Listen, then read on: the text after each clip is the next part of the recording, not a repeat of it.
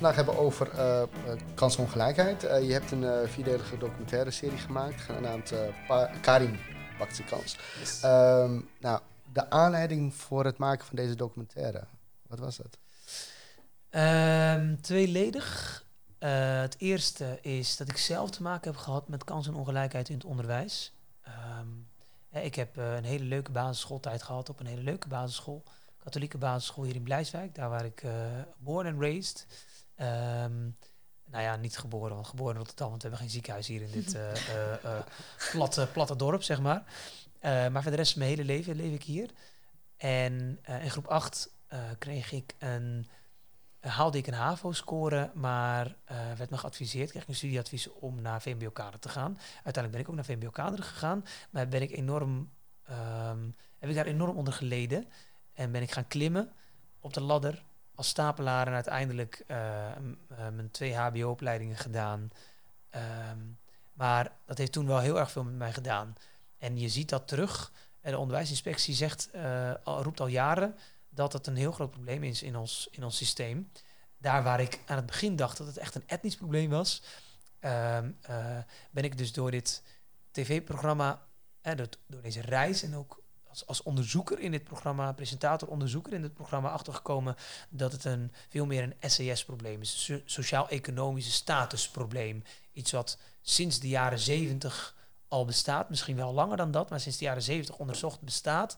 Um, dat kinderen uit lagere sociaal-economische klassen, dat die te maken krijgen, veel, veel meer te maken krijgen met kans en ongelijkheid dan mensen die in een wat hogere status zitten, een hogere klasse zitten.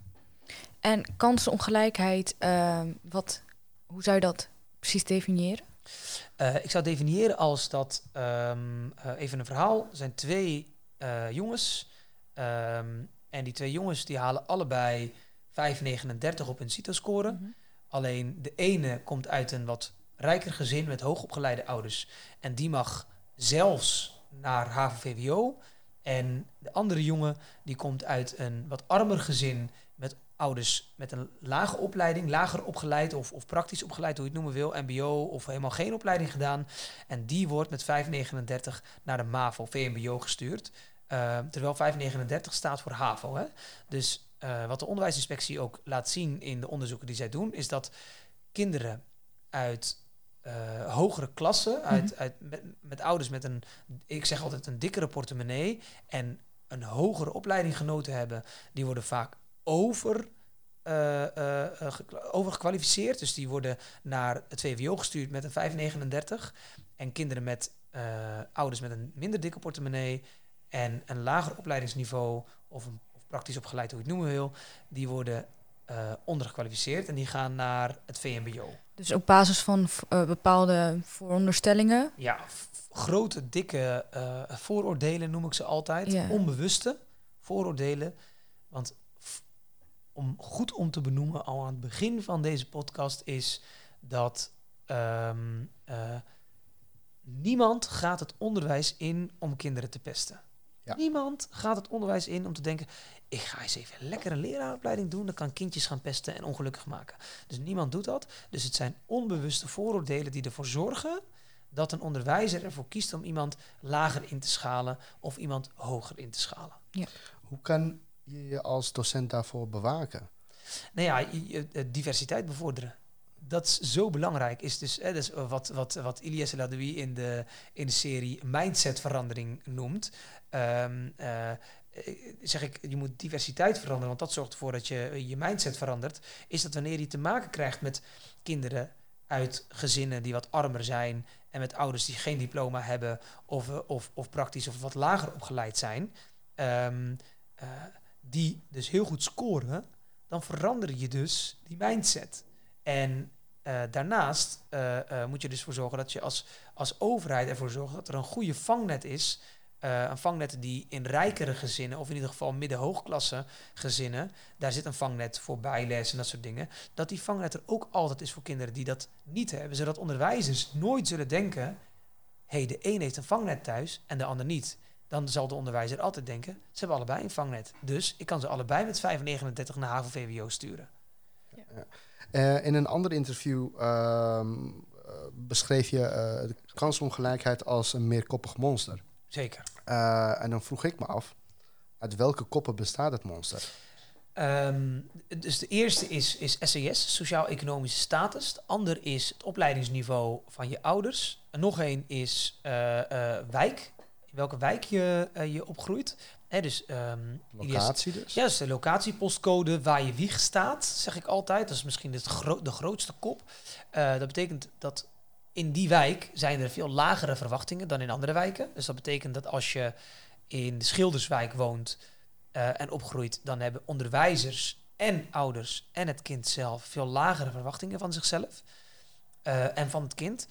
Uh, daarnaast heb je uh, het andere, andere, een andere kop is dat we selecteren op 12-jarige leeftijd. Dat we in 12 jaar, op 12-jarige leeftijd als een van de weinige landen in de wereld nog kinderen in een hokje stoppen. En zeggen jij bent een VMBO-basiskind en jij bent een HAVO-kind en jij bent een VWO-kind. Dat is een, een, een, groot groot probleem in ons land. En uh, daarnaast hebben we ook nog dat we onze kinderen in zeven verschillende hokjes stoppen. Iets wat uniek is. Uniek is eigenlijk positief, maar wat eigenlijk heel raar is, zal ik maar gewoon zeggen. Wat weinig andere landen doen, of geen andere landen doen in de wereld. Uh, uh, zeven verschillende niveaus, uh, waarvan oud-onderwijsminister Jos van Kemenade zegt... de reden dat we zoveel onderwijsniveaus hebben, is dat de vroegere advocaten en artsen er alles aan wilden doen om ervoor te zorgen dat hun kinderen niet bij de kinderen van de timmerman in, de klaslokaal, in het klaslokaal zat. Dus werd uh, er een tussenniveau verzonnen of bedacht, uh, uh, HAVO, zoals we dat nu kennen, om toch de, de, de, de kinderen van, ik, ik chargeer, hè, want ik heb ik zelf ook uiteindelijk het HBO gedaan, maar de kinderen van de elite, zeg maar, die net het VWO niet aankonden, om die toch nog te onderscheiden van de, de arbeiders, zeg maar, in die tijd.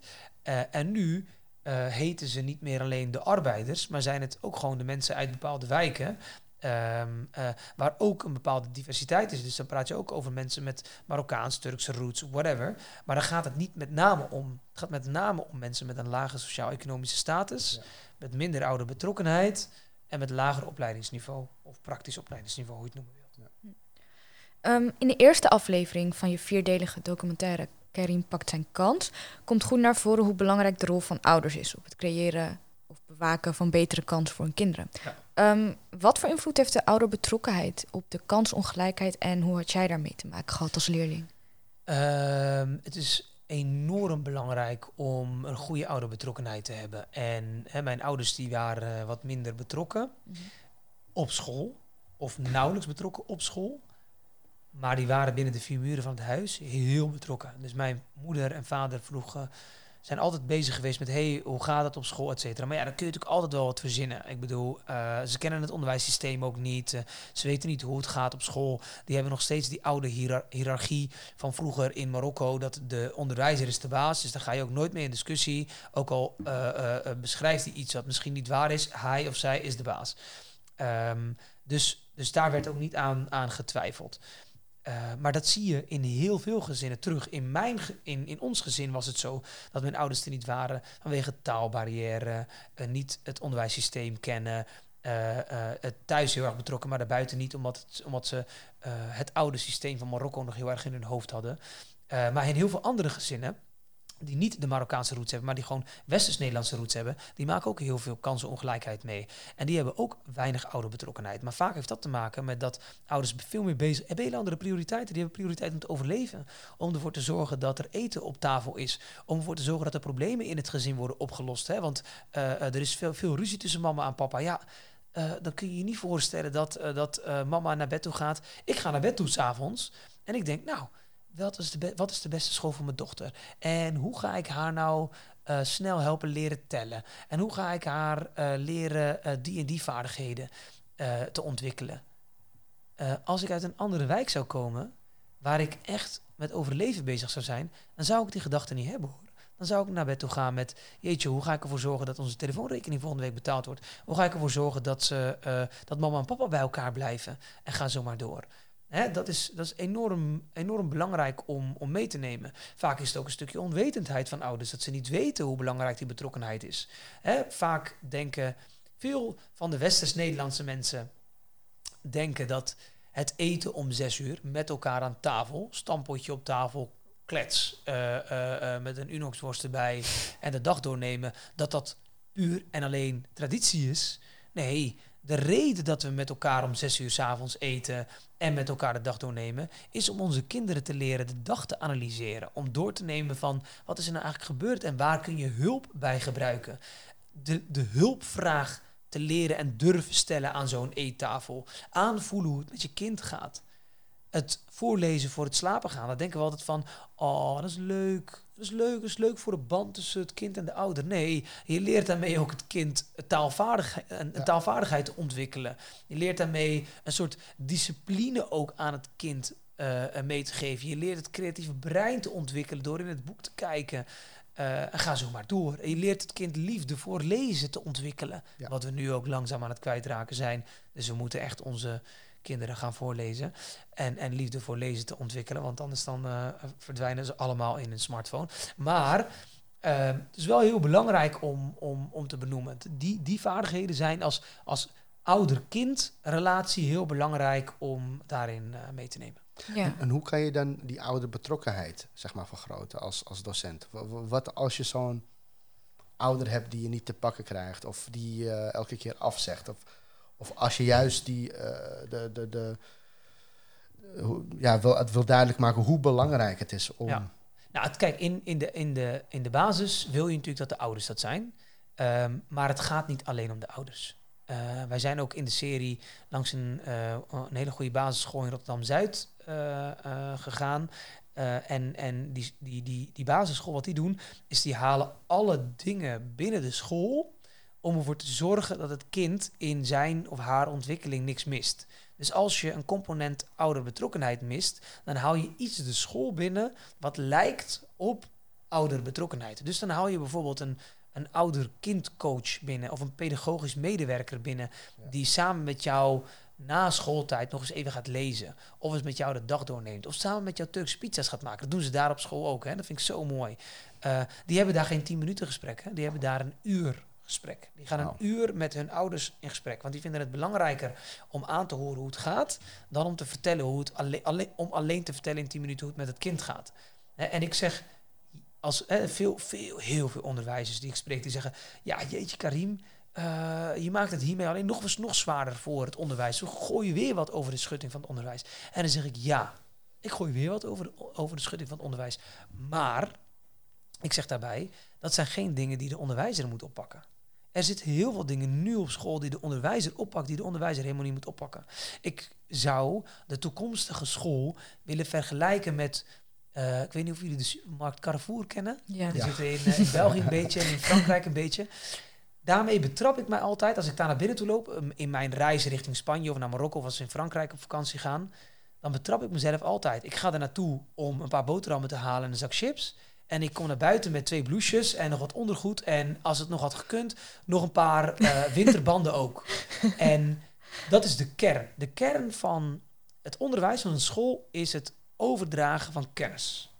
Maar laten we daar ook al die andere componenten invoegen, zoals Carrefour dat doet, om ervoor te zorgen dat de consument, en in dit geval is dat de student of de leerling, volledig naar buiten gaat met een ik heb alles wat ik nodig heb gevoel.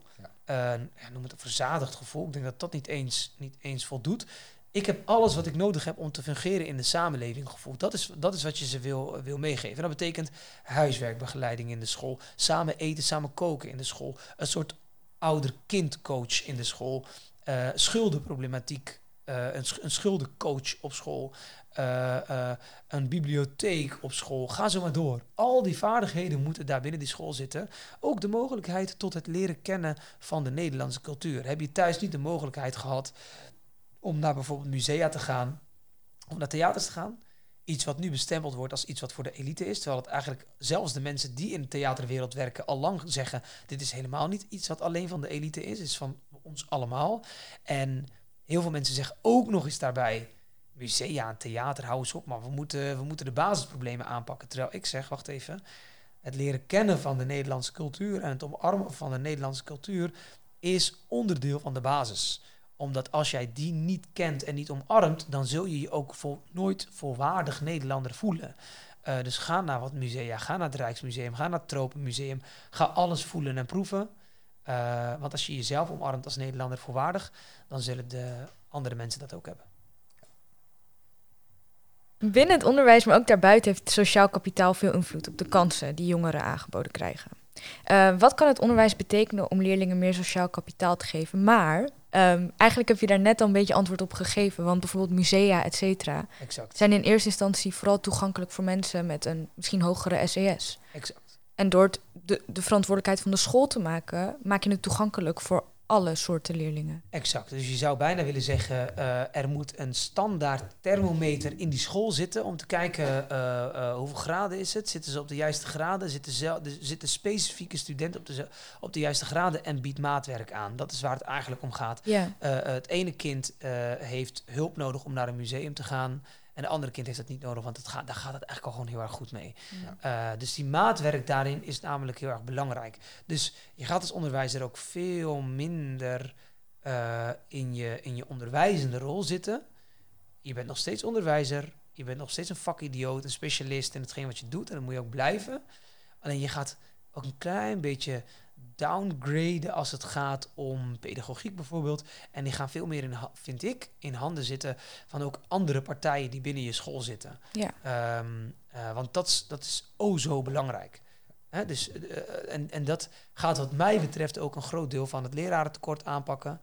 Uh, want ook het lerarentekort is een van de koppen van het meerkoppige monster van kans en ongelijkheid. Ja, ja want de docenten hebben het dan voor het kiezen en die zullen dan waarschijnlijk de de witte makkelijke school eerder kiezen dan de zwarte. Exact. Ja. Als je nu kijkt naar, de, naar het lerarentekort, dan zie je dat het lerarentekort oververtegenwoordigd is. Dus een enorm lerarentekort, groter dan in, in andere delen van het land. En dan heb je het over, over de grootstedelijke context. De, de Schilderswijk, uh, Amsterdam, Nieuw-West, uh, Rotterdam-Zuid, Kanaaleiland, noem ze op.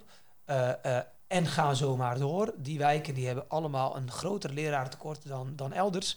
En ehm, ja, die hebben het ook gewoon zwaarder. Die hebben het gewoon zwaarder. Die moeten meer doen omdat daar kinderen zitten met een lagere SES. Lagere sociaal-economische status. Nogmaals, het gaat niet om afkomst. Het gaat om die lagere SES, opleidingsniveau van de ouders, betrokkenheid van de ouders en ga zo maar door. Het onderwijssysteem is nu, zoals het onderwijssysteem nu niet is, is het niet ideaal voor deze kinderen. Uh, maar wel ideaal voor de kinderen die nu allemaal uitstromen op VWO. Mm. Uh, want die zijn allemaal rijp op het moment dat ze uh, 12 eh, jaar zijn uh, en in groep 8 zitten. Um, en al die andere kinderen niet. Dus ja, ik zit nog steeds met een bek vol tanden als het gaat om waarom we dat systeem nog niet aanpassen. En uh, I've got half in mind om, om een peti petitie te gaan starten. En misschien dat ik dat wel aan het einde van deze uitzending ga beginnen. Maar ik zit echt, we moeten echt wat, we moeten echt heel snel twee drastische maatregelen nemen. En dat is stoppen met 12-jarige leeftijd selecteren. En stoppen met het uh, in hockey stoppen van zeven verschillende hokjes ja. van die kinderen. Want dat is schandalig. Ja. Uh, wat is zeg maar iets wat uh, je voor de aflevering, voor het maken van deze documentaire, gewoon als, als een waarheid beschouwde, wat nu na de documentaire zeg maar helemaal van gedachten heeft doen Nee, ik ben begonnen met, met dat ik dacht, um, kansenongelijkheid is een etnisch probleem. En daardoor moet ik, als uh, uh, niet-westerse Nederlander harder werken om ervoor te zorgen dat mijn kind uh, het beter krijgt. Uh, en geen kansenongelijkheid ervaart. Ja. Hoe gek het ook klinkt, en tot ik uh, uh, in mijn serie een aantal keer met sociologen praat, waaronder Elias Ladoui, die tegen mij zegt: Ja, maar wacht even, waarom maak jij je er nou druk om? En dan zeg ik: Ja, maar ik ben niet Westers-Nederlands en zo en zo en zo. En zei hij: Ja, maar als jouw dochter te maken krijgt met kansenongelijkheid, dan trek jij die juf of meester toch achter de bureau vandaan. En, en zet je een advocaat in op het moment dat ze niet het juiste niveau willen toewijzen. Toen dacht ik: Ja, dat is waar. Tuurlijk is dat waar. Waar heb je het nou over? Zeg, ja, maar waar maak je dan druk om? Dat is dus die self-fulfilling prophecy, die, dat aangeprate uh, uh, slachtofferdenken, um, waar je in gaat zitten op het moment dat je met kansenongelijkheid te maken hebt gehad. Um, dus dan wordt het een soort waarheid die je zelf aanpraat, terwijl die er niet is. En tegelijkertijd ook dat het al helemaal geen etnisch probleem is, maar dat het een sociaal-economisch statusprobleem is en opleidingsniveau van je ouders, dat, dat die een hele grote rol erin spelen. Ehm, nou, die zijn voor mij, eh, denk ik, de grootste eye-openers in het geheel. Eh, maar ook waarom we gewoon nog steeds eh, sinds de jaren 70, 50 jaar later, nog steeds niet het probleem hebben opgelost van kansenongelijkheid. Terwijl er toen al bewezen is dat we een systeemverandering moeten hebben en een mindsetverandering. Mhm. Maar dat we dat gewoon nu nog steeds niet doen. En dat vind ik schandalig. Ja. Ja, ja. ja zeker. En dan tot slot, eh, als je echt maar één ding mocht kiezen wat je nu zou meegeven aan een leerkracht en docent om kansenongelijkheid in de klas te verminderen uh, of tegen te gaan, wat zou je dan meegeven? Ja, dat is een hele mooie uitspraak die ik dan pik van Ilias Radoui ook weer in de serie. Die, die zegt, um, uh, mindset is alles. Um, is ook wetenschappelijk bewezen dat als je jezelf een hele kritische vraag stelt, um, dat dat ook ervoor zorgt dat er meer gelijkheid in je klaslokaal komt en ook dat kinderen beter gaan presteren. En die kritische vraag is, aan wie geef ik les? Geef ik les aan een groep kinderen met een uh, uh, niet-westers-Nederlandse achtergrond of een lage SCS uh, die uiteindelijk als schoonmakers terechtkomen? Of geef ik les aan toekomstige hoogleraren? Dus stel jezelf als onderwijzer iedere dag de vraag: aan wie geef ik nu les? Ik doe nu mijn deur open. Ga ik nu lesgeven aan toekomstige schoonmakers? Of ga ik nu lesgeven aan toekomstige hoogleraren? En als het antwoord is ook op MBO niveau 1, MBO niveau 2, VMBO basis, whatever, waar je zit, is dat je jezelf de vraag stelt. En het antwoord moet zijn: ik ga lesgeven nu aan toekomstige hoogleraren. En dat zorgt ervoor dat kinderen daardoor beter gaan presteren en dus meer gelijkheid hebben. Je verwachtingen dus. Verwachtingen, hoge verwachtingen van je leerlingen is zo enorm belangrijk. Dat moeten we nooit vergeten. Niet in doorslaan, maar we moeten ervoor zorgen dat onze studenten, maakt niet uit waar ze wonen, waar ze vandaan komen, ongeacht afkomst, want dat komt ook in dorpen voor. Het komt ook bij mensen met Westers-Nederlandse uh, afkomst voor dat ze ongelijk worden behandeld. Um, dat je ervoor moet zorgen dat er hoge verwachtingen zijn en niet daarin doorslaan. Uh, dat we VWO verwachten van iemand die prima vindt om naar het VMBO te gaan. En we moeten ze leren dat ze een growth mindset moeten ontwikkelen. Een mindset waarbij ze leren dat ze mogen falen en dat we weer opstaan en gaan leren wat we moeten doen om niet te falen. En nu zie je dat heel veel mensen in grootstedelijke context een fixed mindset hebben. En die fixed mindset is: het lukt me niet, ik kan het niet, ik ben dom, dus ik ga iets anders kiezen. Uh, en dat is uh, een mindset die uh, kinderen wilt afleren. Uh, maar die wel vaak voorkomt bij een lagere SCS en een lager opleidingsniveau. Hm. Dus dat is echt heel belangrijk. Growth mindset en uh, ervoor zorgen dat uh, je jezelf de kritische vraag stelt aan wie geef ik les. Hoge verwachtingen. Ja, mooi. Die kan iedereen gelijk toepassen. Ja, zeker. Ja. Dankjewel voor je tijd en het mooie interview. Nou, bedankt voor de uitnodiging. hey, doeg. Doeg. Doeg.